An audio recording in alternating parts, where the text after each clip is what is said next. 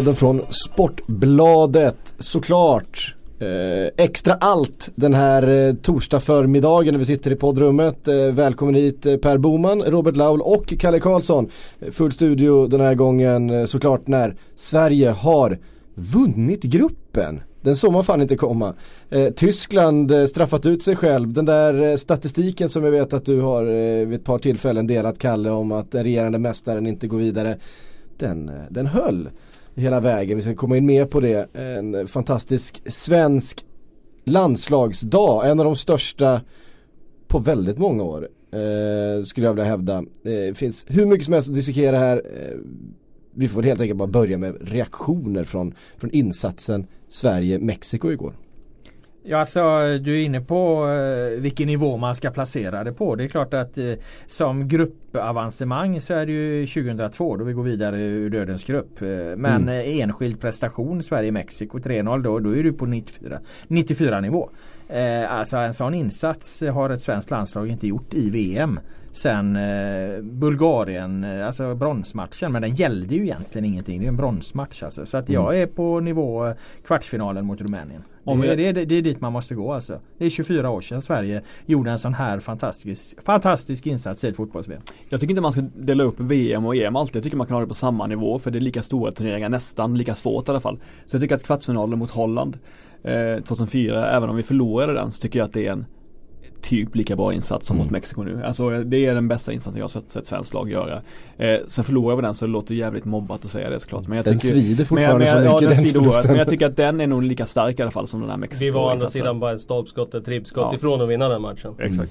Eh, nej men jag, jag håller med. Det är, det är ju det är ju på den nivån det är. Det är tillbaka på 94 eller då beroende på hur man ser den triumfen som det ändå är mot Argentina. Att då mot ett världslag som Argentina få 1-1 eh, i en avgörande match. Eh, det kan väl kvala in där och i alla fall eh, konkurrera med den här insatsen. Men jag är nog inne på, dig, på din linje Robban. Att, att vinna med 3-0 avgörande match mot eh, Mexiko. Det är nog, vi är nog tillbaka på bronsmatchen mot Bulgarien. Men med tanke på att de säger, eller framkommer idag att de var mutade i den matchen eh, och ville lägga sig där så är vi kanske tillbaka till eh, Rumänien i kvarten. Eh, för att hitta en liknande insats. Mm. Ehm, och spelarna som gjorde det här då, det är ju ett, ett lag som inte har de stora stjärnorna där den stora stjärnan är systemet, planen, det gemensamma målet. Eh, alla vet precis vad de ska göra, alla förstår sin del i eh, det här systemet som inte är så avancerat och det behöver det ju kanske inte vara heller. Eh, vi får väl börja med att bara liksom prata om de enskilda situationerna, prestationerna. Sverige fick ju den här matchen precis dit de ville, det vi pratade om. Att det var ett lag som inte skulle passa Mexiko, det var ju uppenbart redan från början. Ja och att, eh, att eh, systemet fungerar det beror väl någonstans på att man har jobbat ganska tålmodigt eh, sen 2016 för att göra precis det man gör i det här gruppspelet. Och Hemligheten bakom det kan vara intressant att höra mer, mer i taktisk detalj av dig Kalle. Men, men jag känner att det här är ett lag som de är så trygga i det de ska göra så att de klarar att prestera på topp. Det speciella med, med, med ett VM det är att man inför VM så sitter man och tittar på liksom oj vilka spelare finns i de här trupperna och, och så vidare. Men man vet aldrig riktigt hur det ska landa i skarpt läge. Och, och, och här är det ju ett lag som där spelarna levererar på toppnivå egentligen i alla de här tre matcherna för Sveriges del. Det är väldigt få spelare som inte spelar på max och att få till det i ett VM ja, då, då måste man tillbaka till eh, att man har jobbat efter en röd tråd och alla känner sig så bekväma i det så att de klarar att få ut sina max av, av sin kapacitet. Jag kan inte komma till någon annan liksom, slutsats än att det, det är det det handlar om. Nej, alltså jag tycker man kan gå tillbaka hela vägen till när Janne tar över den här skutan. Och jag tror inte folk minns idag hur eh, liksom alarmerande situationen upplevdes då i svensk fotboll. Den största stjärnan skulle lägga av. Det fanns inte så mycket bakom. Vi undrade ens om det skulle komma några människor och titta på, på landskamperna och, och kvalmatcherna på Friends. Eh, men det han gjorde och det beslutet de tar från början det är ju att göra saker väldigt, väldigt enkelt. Gå tillbaka till det som svensk fotboll alltid har varit och det var ju det logiska men det helt rätta beslutet att spela så enkelt som möjligt för vi har inte material att göra något annat. Och vi kom ju från en era där vi kanske inbillade oss ibland att vi var någonting under Erik Hamrén då, där vi var någonting som vi aldrig egentligen har varit. Eh, man kan eh, drömma men det kändes ibland som att de drömmarna var lite väl naiva. När vi skulle åka och spela ut Holland på bortaplan och så vidare. Eh, det här passar ju oss otroligt bra med den truppen vi har. För vi har verkligen inga stjärnor. Vi har ett gäng fotbollsarbetare. Ödmjuka, lojala fotbollsarbetare som är villiga att... De har köpt in den här idén som Janne och Wettergren har eh, liksom presenterat och de köper in den till 110% och de är beredda att springa genom murar och genom allt för att uppnå det. Och sen är det ju viktigt man måste ju få resultat för att få trovärdighet för sin idé. Och det fick ju Sverige i kvalet. Och när man slår Frankrike hemma och man ser att det fungerar mot de allra bästa. Då, då är man inne i den där positiva liksom, eh, rundgången där det bara snurrar på. Man får ännu större trovärdighet för det man gör. Spelarna är beredda att jobba ännu lite hårdare och då är det ännu större chans att man lyckas. Och den, eh, den eh, liksom, flowet har ju Janne och Wettergren haft sen, egentligen sen Frankrike-matchen. Och jag noterar att eh, Simon Bank skrev att vi har fått ett landslag att älska. Men jag tror att vi fick det redan där. Eh, jag kände när, jag kommer ihåg när man gick ut från Friends efter den Frankrike-triumfen att det var som att svenska fansen hade tagit till sig landslaget på ett sätt som de inte var i närheten under de senaste tio åren faktiskt att göra. Eh, man känner med det här laget och det tror jag är för att man känner igen sig i det som vi alltid har gjort här. Det är en eh, fotboll där, som är kollektiv, där man ställer upp för varann, där man eh, tar jobbet för varann och där man verkligen gör varandra bättre. Mm. Men Kalle, du som har extremt bra koll på det taktiska, var vi inte var det inte modigt att stå så högt som Emil Forsberg och Marcus Berg och Toivonen gjorde där i första halvlek? Tycker inte att vi stod ganska högt emellanåt och pressade backlinjen? Nej, jag inte det? tycker inte det. Eh, Att det var för modigt. Nej, inte, jag, säger, jag, säger inte, jag säger inte att det var för modigt, men var det inte liksom pikt då? Att inte gå tillbaka för långt. För jag tycker inte vi sjöng så jävla, jävla djupt under, under delar av första halvlek. Nej. Eh, jag sa det i vår sändning inför matchen där att jag trodde att vi skulle ligga liksom på ett medium höjd i den här matchen. Eh, och Mexiko har snabba spelare där framme. Men om man tittar på deras matcher tidigare så har de inte hotat in bakom. Eh, man tar Hernandez har en helt annan roll i landslaget jämfört med vad han har haft i Manchester United där han bara ligger på offside-linjen och, och hugger i djupled. Det gör han inte i landslaget. Han droppar ofta ur. Han är nästan en falsk nia. Och de här yttrarna, Lozano och Lajon, de hotar inte heller med några diagonala löpningar innanför ytterback utan de står egentligen bara och väntar på att få en mot en lägen. Så att det var inget hot bakom egentligen. Så att eh, det var logiskt att de, att de vågade kliva högre. Och det såg man ju också. Det, det är inga djupledsbollar från Mexiko som, som hotar oss i första halvlek. Så att eh, det var väntat. Sen ska jag också säga det är någonting som svenska landslagets backlinje har varit otroligt duktiga på tycker jag. Det är att, att våga hålla upp linjen. Granqvist, Vigge Hela tiden, så fort en passning som går bakåt i plan så flyttar de upp några meter och gör den där eh, pumpa liksom backlinjen uppåt. Och det, det tycker jag de gjorde redan på Hamrens tid på, på ett jättebra sätt. Men det är jäkligt intressant det du säger med att, att, att Sverige spelarna gör varandra bättre och man kan visualisera det genom att bryta ner det på lagdelsnivå. Titta på Ola Toivonen och Marcus Berg så är ju de var för sig inte några särskilt märk märkvärdiga fotbollsspelare men de, de fungerar ju som ett anfallspar ihop. De, de utnyttjar ju den kvalitet som uppstår om ett anfallspar kombinerar och, och, och är eh, bra tillsammans. Och då, då, blir det en helt annan effekt på det. Det är ju enda möjligheten de har att de liksom genom att hjälpa varandra och stå rätt och, och så här Eh, Eh, ska åstadkomma någonting överhuvudtaget och, och, och, det gör de ju framförallt i, i Mexikomatchen. De har fått kritik innan för det att de inte haft så mycket kombinationer och så. Det har de ju faktiskt nu. Nu fungerar de som ett, ett väloljat eh, anfallspar på, på ett helt unikt sätt. Och samma med, med det är ju mittfältet som ju heller inte består av, av eh, egentligen några spelare som på något sätt sticker ut. Förutom att vi har en bild av att Forsberg ska göra det. Men jag menar det gör han ju egentligen inte på den här nivån. Men men tillsammans så blir det också ett väldigt fungerande och du backar ner ytterligare ett steg till det här försvarsspelet, eh, backlinjen som som också stärker varandra genom att, att de är så himla samspelta, står rätt och, och, inte lämnar ut varandra egentligen i, i några jobbiga positioner. Jag tror det händer en gång i första halvlek mot Mexiko att att det blir fel och det är när Viktor Claesson tappar bollen då ligger Sverige lite dåligt och, och då är det Chicarito tror jag som skruvar den precis utanför stolpen Vela, till slut. Är det Vela? Ja. ja. Mm. Uh, och, och, det är egentligen det enda. Det är en gång på 45 minuter. Sen uppstår det fler situationer i andra halvlek men de kommer liksom efter 3-0 eh, och, och ja, det, det lägger man inte lägga stor vikt vid tror jag för då, då händer någonting med matchen. Men, men att under 45 minuter egentligen bara tappa koncepterna en gång. Då är man väldigt, väldigt fungerande i sina enheter. Jag tycker det är intressant det där du säger med, med som lagdel att man gör det bättre. Man kan ju tänka sig, om man har två forwards. Inga näm namn nämnda nu utan det är, det är för mig ointressant. Men om man har två forwards där man har en som fuskar lite grann i, i defensiven. Det innebär ju att den här andra forwarden måste springa mer för att kompensera för det. Och det kan man ju se nu på Sveriges anfallspar att det är klart att om Berg känner att ja, men Toivonen han tar inte det där jobbet i defensiven. Ja men då måste antingen måste han springa ännu mer defensivt vilket gör att han har ännu mindre kraft offensivt själv. Eller så blir motivationen lägre. Det är ju så det blir på alla arbetsplatser runt om i, i samhället. Om, det, om grannen bredvid inte jobbar, ja men då blir motivationen lägre för bänkgrannen. Och det funkar samma sak i ett fotbollslag. Även om man kanske inte tror det för att de tjänar mycket pengar när de är ute i klubbar. Men det är människor. Och det är så det funkar. Och där tycker jag att man ser att det här är ett, ett lag som där verkligen alla jobbar stenhårt för varandra. Och det är inte självklart alla gånger. Man kanske tror det när man är på utsidan men det är inte det.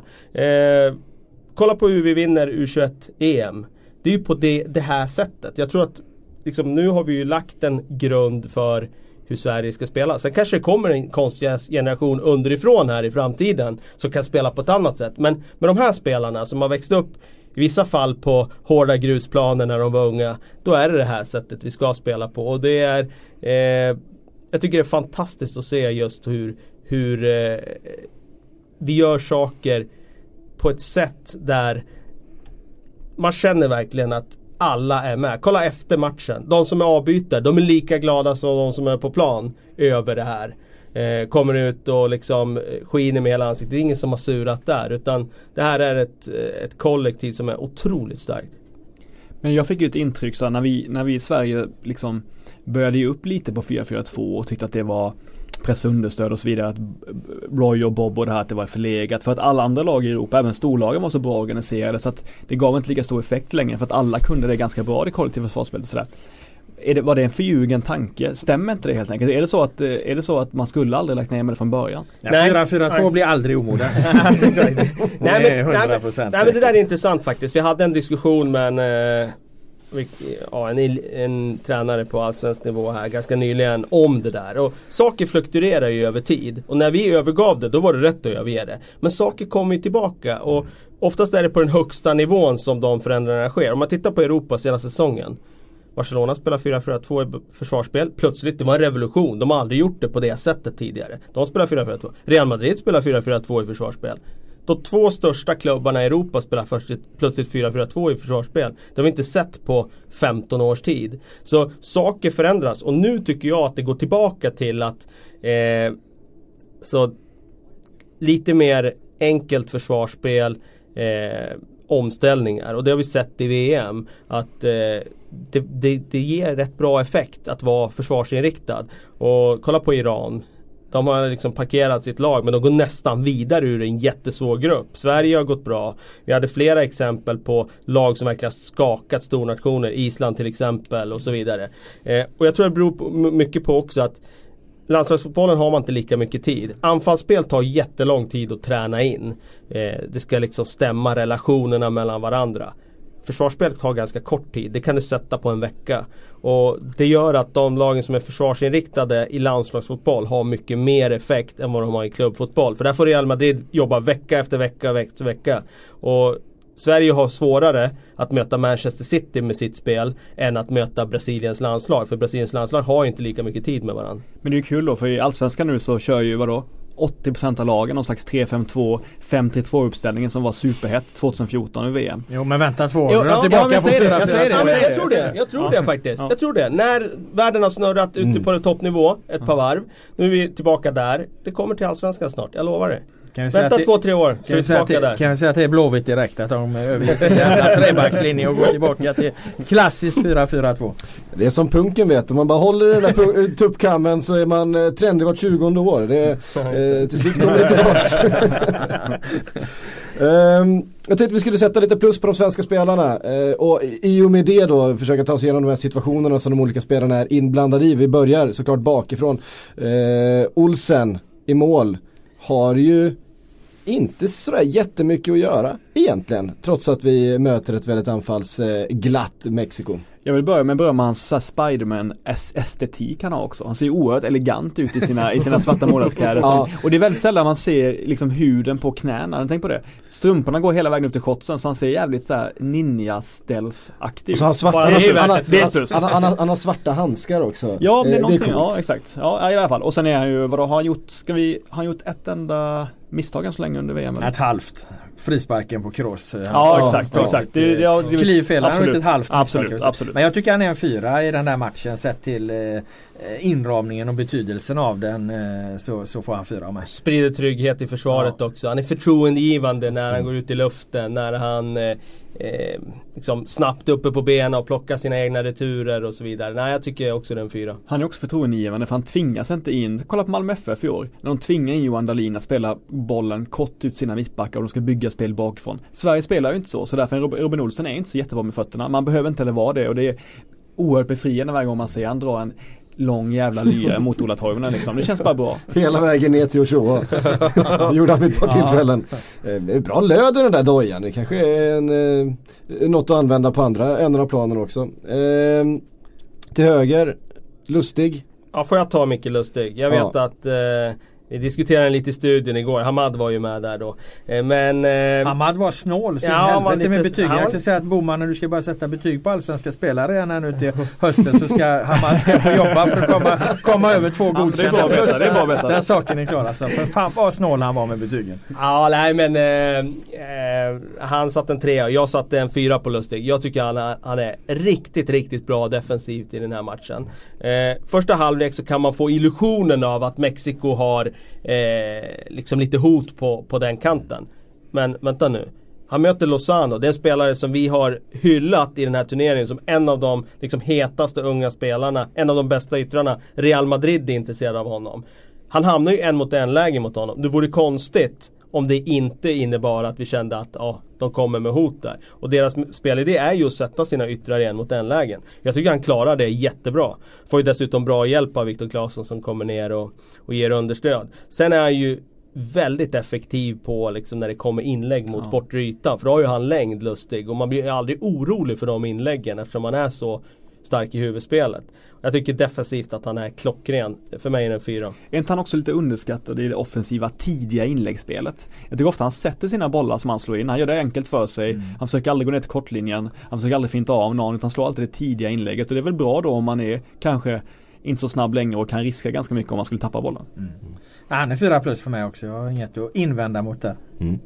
Eh, Victor Nilsson Lindelöf.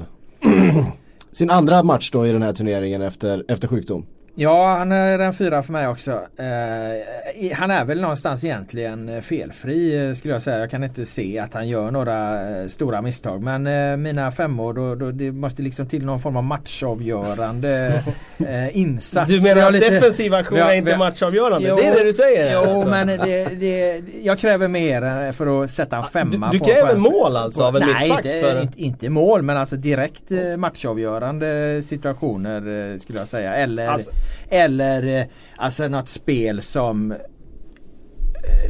Ja fullständigt tar andan ur Du kräver, du kräver inte- nästan att, att du ska ha en ytterback som då är kanske två plus. Där, Nej, där, men ur det perspektiv- där ur det måste täppa till. Ur det perspektivet är ju, är ju i så fall, då skulle man kunna argumentera för en femma även på Lustig. För jag ser inte att han gör några misstag i den här matchen. Jag, och han, han spelar ju på, på topp hela tiden. Alltså, Men- men- jag vet ju vad Laul, var, var han har sin femma. Och den har inte Granqvist. Ja, jag har ju ett par och jag, jag Jag har ett tycker, par ja, exakt, femmor. men han, jag tycker ju att, eh, att Lindelöf egentligen är bättre i spelet än vad Granqvist är. Men jag tycker Granqvist, alltså klart Granqvists straff är ju, den är ju Mm. 5 plus. Men i spelet så är ju egentligen Lindelöf, tycker jag ofta under turneringen har varit bättre än Granqvist. Mm. Eh, så jag ger nog 4 plus till båda två. Jag ger, Ja, fyra- jag, fyra och jag ger ja. femmor till båda två. Men jag lägger mig platt här. Jag, jag säger ni får dela ut betygen. Men i min bok är båda femmor i den här matchen. Ja, jag ger ju femma till Granen då för Precis, vi kommer över till så- då. Ja.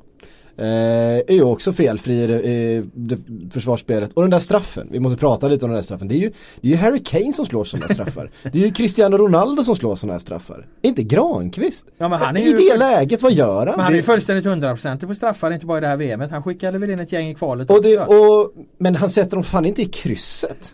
Ja, I det läget, och han får vänta rätt länge och de är framme och psykar honom och det Ja. är ett, ett läge där liksom matchen står och väger. Mexiko är inne i en bra period, vi får en straff plötsligt och kan stänga matchen, det vet vi ju. Gör han mål så vi kommer inte släppa två mot dem på sista halvtimmen.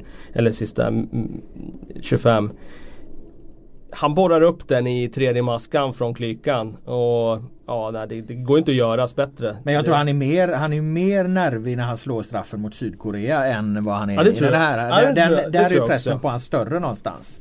Eh, tror jag ändå. Det tror jag Eh, också, för men att- den är ju stor nu också. Ja det är klart att den är men här tror jag att Sverige är någonstans inne i ett sånt jävla gött mode Ja. i, i den Och vi har delen av 1-0. matchen. Och det är ju därför han kan kliva fram och, och, och bara hänga upp den där.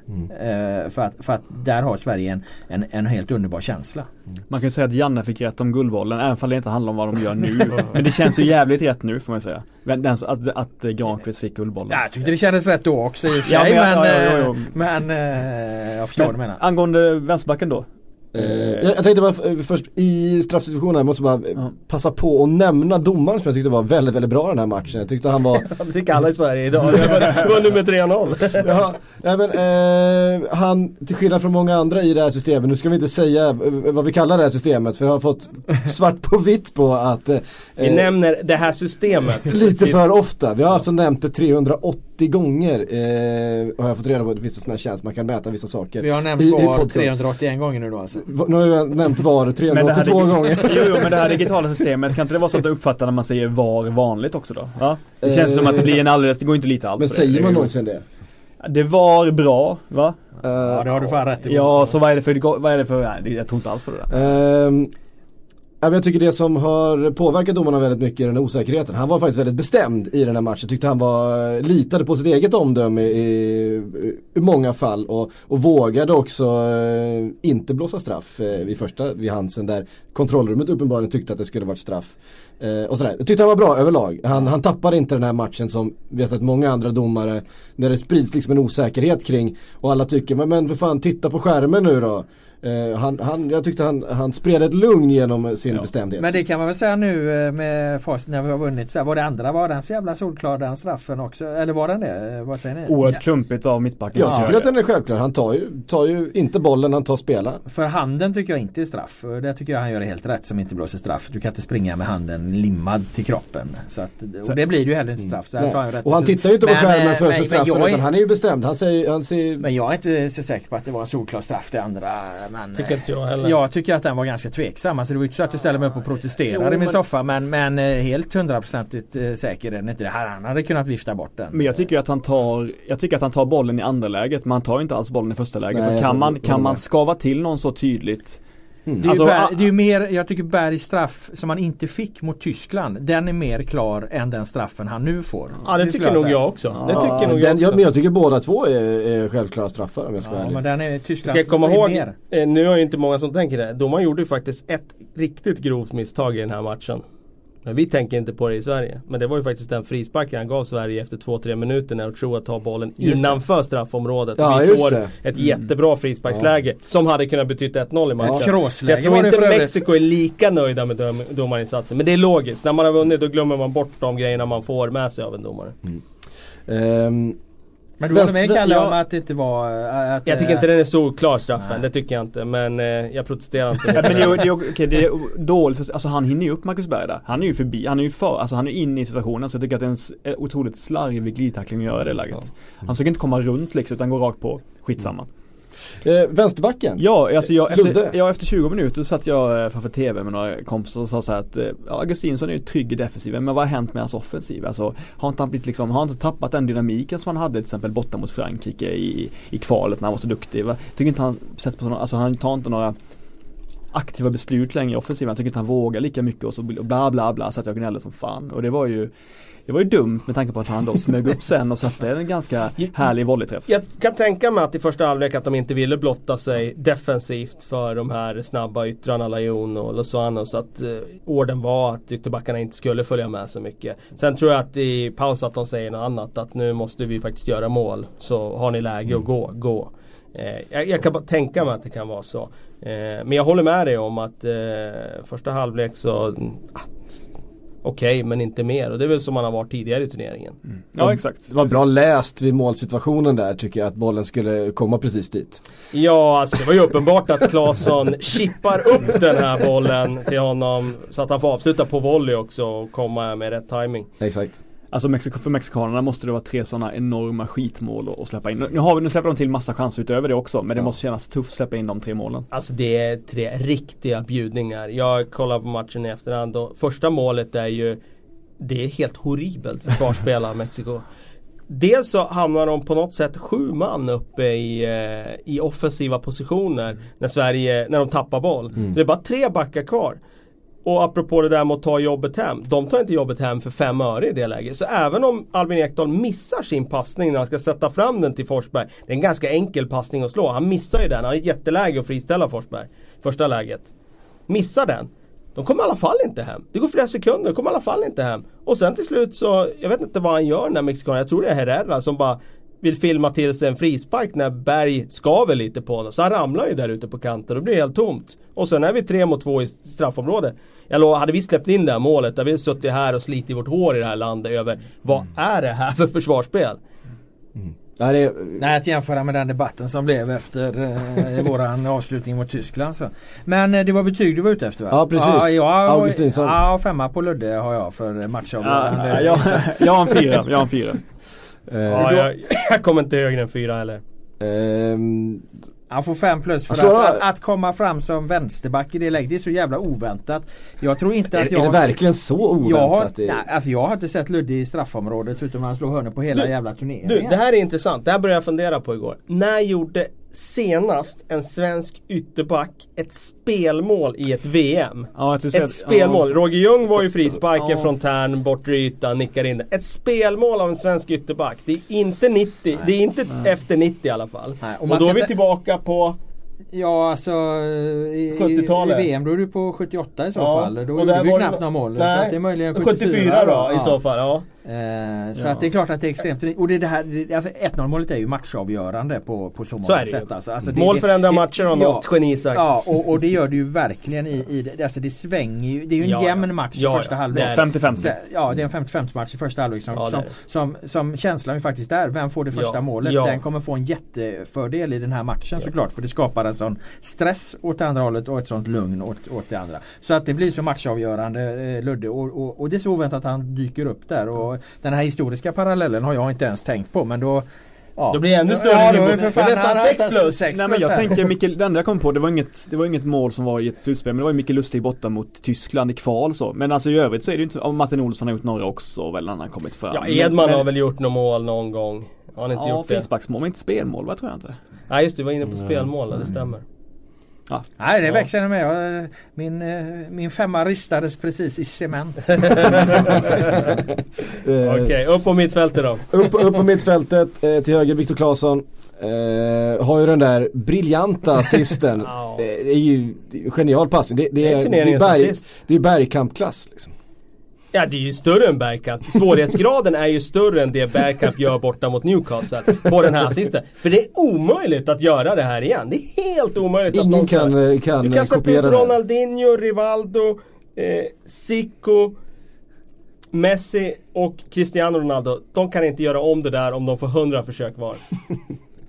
Vad är det? Jag har fortfarande inte riktigt, inte riktigt greppat exakt vad det är som händer i det där Han missar ju bollen helt och den tar liksom på något sätt uppe på vristen på honom så att den liksom bara chippas upp till Ludde. Alltså förvåningen på de mexikanska försvararna är ju total. Man lider ju med högerbacken, man gör det. Man lider med högerbacken. Precis. De hade ju en idé från redaktionen att vi skulle ut och försöka göra om eh, den. Göra ja. om den. Ja. Jag tror vi hade fått hålla på ett tag. Alltså som jag sa, jag tror inte de namn jag räknade upp, får de 100 försök så grejer väljer de inte att göra det där. Det är såhär Joe Labero som ska till eller något för att man ska kunna återskapa det Men där. skicka ut det som en utmaning då. Ni har alla massa lyssnare på den här podden. In med Ja, era filmer när ni gör om Fi- det. Vi exakt. mejla, psyk. Ja, mejla mig. Eh, era, era bästa försök att återskapa det här målet. Ja. Eh, det ser jag fram emot. Ni, Eller inte ja, målet kanske, Nej, för då ska vi få till assisten. volym. Bara assisten. Om man Assisten bara kommer in i straffområdet, får en passning och gör om assisten, då är det värt en artikel här. Ja, ja utan tvekan. Ja. Utan tvekan.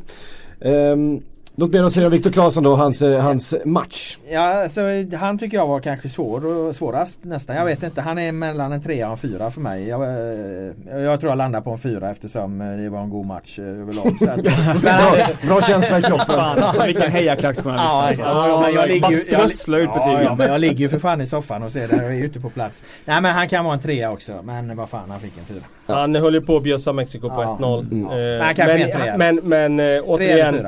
Om man verkligen går ner och detaljstuderar så han ger Lustig jättebra hjälp defensivt. Han krigar om eh, liksom dueller på sin kant. Det blir mycket på högerkanten i första. Vi står ju lyfter mot Toivonen hela tiden där.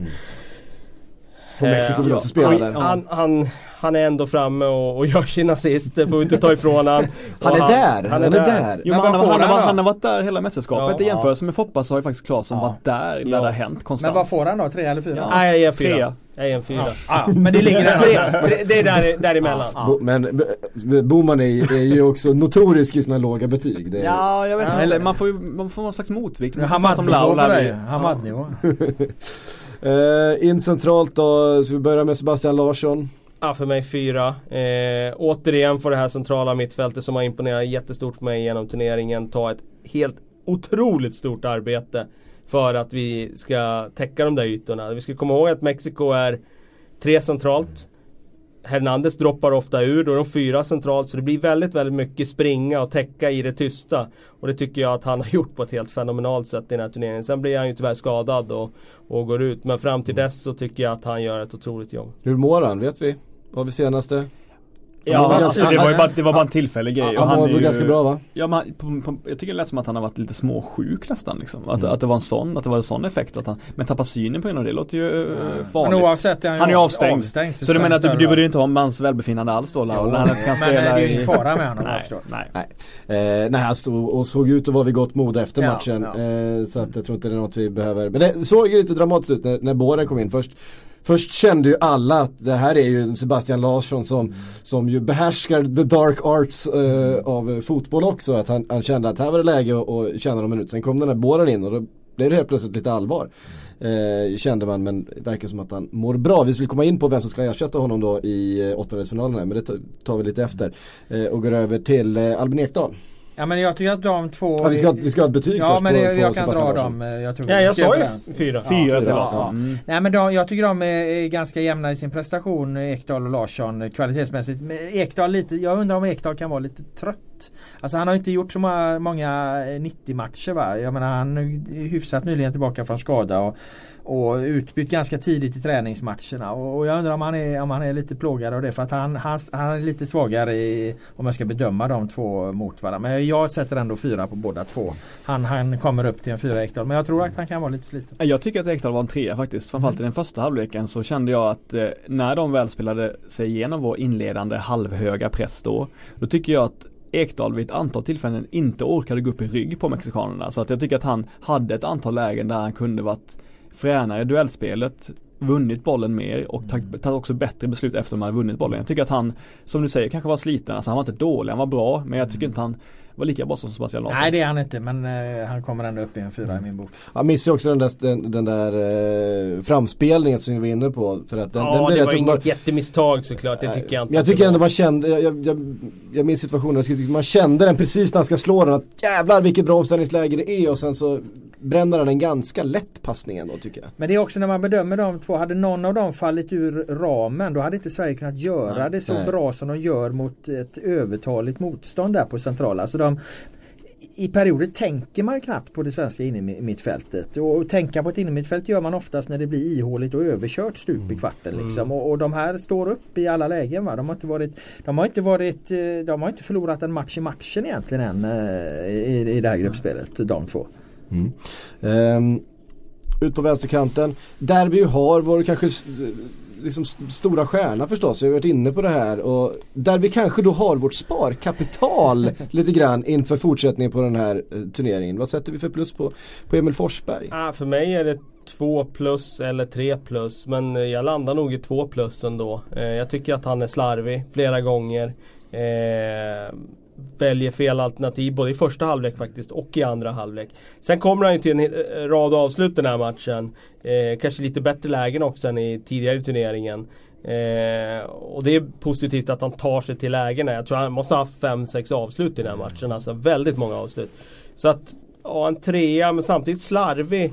Eh, väljer fel alternativ Bränner ju, i bränner två. ju flera superlägen. Ja men alltså jag skulle säga han, han kan servera Marcus Berg en gång i andra halvlek och han borde göra det alla dagar i veckan. Väljer Så väljer han helt fel eh, och väljer något annat. Så att, samtidigt tar han också det där defensiva jobbet så att han kanske är uppe på en trea ändå tack vare det defensiva slitet. Slår bollen som sen blir straffen va, till Marcus Berg. Men min bild är att han är självmedveten. Det är som att han ser sig själv på en tv-skärm samtidigt som han spelar liksom. Att ingenting är naturligt liksom. Det är som att han alltid tar ett beslut lite för sent och därför kanske det blir felbeslut. Det är som att han inte är inne i det riktigt. Ja men som spelare kan man ju komma in i det där där man vill någonstans vill att det ska se enkelt ut och det är en jävla farlig liksom tankeprocess som går snett när, när, när man hamnar i det att man vill att det ska se enkelt ut för då är det precis som du säger då tänker man väldigt mycket på, på, på hur man gör det istället för att bara göra det och, och jag tror att det är ganska bra spaning du har där för att han är ju inte riktigt tajmad i de lägena han får. Vi har ju pratat om Forsberg här i de två inledande matcherna men han får jobba så hårt defensivt och han får inte utrymme och motståndarna har bevakning på honom och bla bla bla. Nu var inget av det här riktigt lika giltigt längre för nu, nu får han ju faktiskt ytorna, han får utrymmet, han får till och med tillfällen men han kommer inte lätt till bollen, rätt till bollen. Vad fan, han är ju nästan som eh, William i Brasilien, han har inte kommit rätt till en boll på det jävla mästerskapet än och, och det har Forsberg kommit rätt i några åtminstone. Eh, men samtidigt så ser jag en uppåtgående kurva då eftersom jag ju är, måste ha den positiva rollen. Jag tror jag satt en etta på han i första matchen mot eh, Sydkorea. Jag satt en tvåa på han mot Tyskland. Och han får en trea nu mot Mexiko. Så eh, absolut, sparkapitalet kan explodera mot Schweiz. Men när vi pratade innan i förmiddags tyckte att du hade en intressant poäng Robert. Du sa att vi kanske väntar oss för mycket av Forsberg. Ja, men så är det ju också. Alltså, titta på hans statistik. Det är egentligen inte min spaning där utan jag tror det var Axén i TV4 som hade tittat. Vad är det, vilka matcher har Emil Forsberg egentligen gjort mål i i landslaget och hur många matcher har han gjort mål i? Han är ju liksom inte någon spelare som kliver fram när vi har kniven på strupen eller den som liksom räddar oss eller löser allting. Han har aldrig någonsin varit det. Det är en skapad bild för att vi inte är ett lag med stjärnor. Utan Nej, vi ett vill kollektiv. så gärna Men ha vi vill en- ha någon. Ja. Och jag menar alla medier måste, ju- måste ju alltid hitta någon att prata om liksom. Och då blir det han. Men, men det finns ingenting faktamässigt som backar upp den här bilden. Förutom det han gör i sitt klubblag då. Där Och det är en säsong. Ja. Och det är en. Och det han säsong. säger själv också. Han har ju själv pratat om att han ska bära laget. Ja. Jag är den som ska göra det. Det hade varit mycket, mycket bättre om han såg sig själv som en Chippen Willensson Mm. figur liksom. Som, som gjorde någonting oväntat var 15 minut istället liksom. Mm. Eh, lokalpatriotiskt. Eh, Ja, jag tror att kläm- du- klämma in du- du har- chippen du du har- Ja, det är oväntat att Chippen fick plats Du har, dålig, du har dålig koll om du tror att en person från östra Blekinge i Karlskrona skulle, skulle, skulle medvetet hylla någon från Listerland. Ja det är rätt. jag, kan, jag kan leva med det, den dåliga kollen. Det kan Men vad fick han? En trea eller? Boman har inte sagt något. Nej men det, det är det här i- Det är du tvåan på. Jag ger Emil Forsberg en eh, Du har stark haft dygn på dig Tvåa. att. Mm. Starkt två. Eh, det är väl ett litet, ett litet fall framåt i alla fall. Eh, det kan jag Kurvan Kan går uppåt tycka. eh, om än svagt. Eh, sparkapital hoppas vi på då, att han får sätta någon av de där chanserna och kanske släppa lite av den här pressen som han uppenbarligen springer runt med. Eh, och, Helt i och bli, och bli lika, ja. kan, han vara, kan vara en joker i, inför fortsättningen på det här VMet? Att en Emil Forsberg som kommer igång och börjar sätta de där bollarna med lite större ackuratess. Jag hoppas att det är Roberto Baggio effekten 1994 för att eh, han gjorde ju inga mål i gruppspelet och sen eh, bara exploderar han i slutspelet, gör fem mål och tar Italien till final på i stort sett egen hand då Mm. faktiskt. Eh, däremot brukar jag säga att när man kommer in i ett mästerskap med lite tveksam form då är det svårt att vända det bara plötsligt i ett mästerskap. Och det har vi sett tidigare med det finns så många otaliga exempel på det här med eh, Rooney, Ronaldinho, de eh, liksom allra största. Och jag, jag tror att det blir Jag tror det blir svårt om vi bara tror att han ska explodera om fem dagar och vara en helt annan spelare än varit i de här tre första matcherna. Det finns ju en jävel som slår uh, Baggio. Du är också en italienare. Scratch. Rossi. Rossi, Rossi. 82, som Inga mål i... Tre sista matcherna gjorde sex mål. Ja, Precis. Nu är inte, Italien till VM-guld. nu är ju inte mål just hans eh, uppdrag. Men vi vill ju se en Emil som skapar och som är ett hot och som spelar på den där nivån som han har gjort glimtvis i alla fall.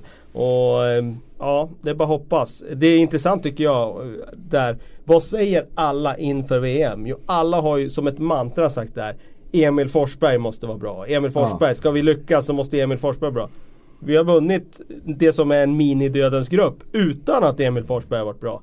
Det, vad var oddset på det? Ja. Och det finns egentligen ingen, ingen fakta som, som det står på det argumentet. För han har aldrig varit den spelaren i landslaget.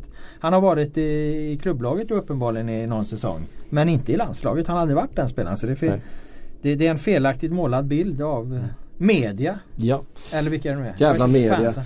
Eh, uppe på topp hittar vi Marcus Berg och Ola Toivonen. Det vill ni ta först? Toivonen? Vänta, ska vi inte börja med duon bara? Alltså det finns ju inte så många anfallsduor i VM än så länge, men Nej. är det just nu VMs bästa Ja? Cavani, Suarez. Cavani. Ah, helvete, helvete, Jag helvete. glömde det. Näst bäst då, näst Ja. bäst. Vad har vi mer då? Ja, vi har inte så många Nej, anfallsduos exakt. kvar. Det är ju Portugal som har en såklart. Island har ju haft. Ja. Mm. Nej men eh, säg så här då. Suarez Cavani är svåra att komma Ja, runt. Alltså, de är ju på en annan nivå.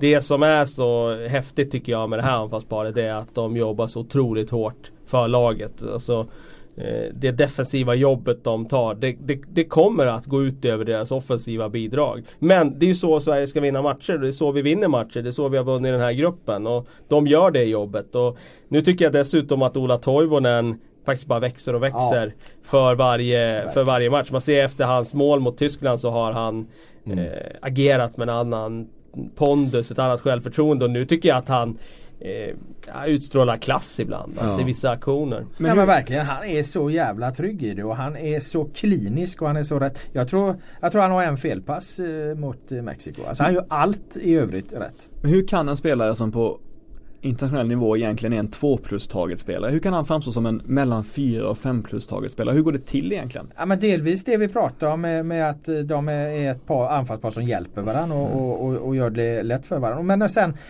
alltså Toivonen fokuserar ju någonstans på sina kvaliteter där mot Mexiko. Det, han är ju inte en 2 plus spelare att ta emot en boll och sätta tillbaka den. Men han är en, en ganska bolltrygg.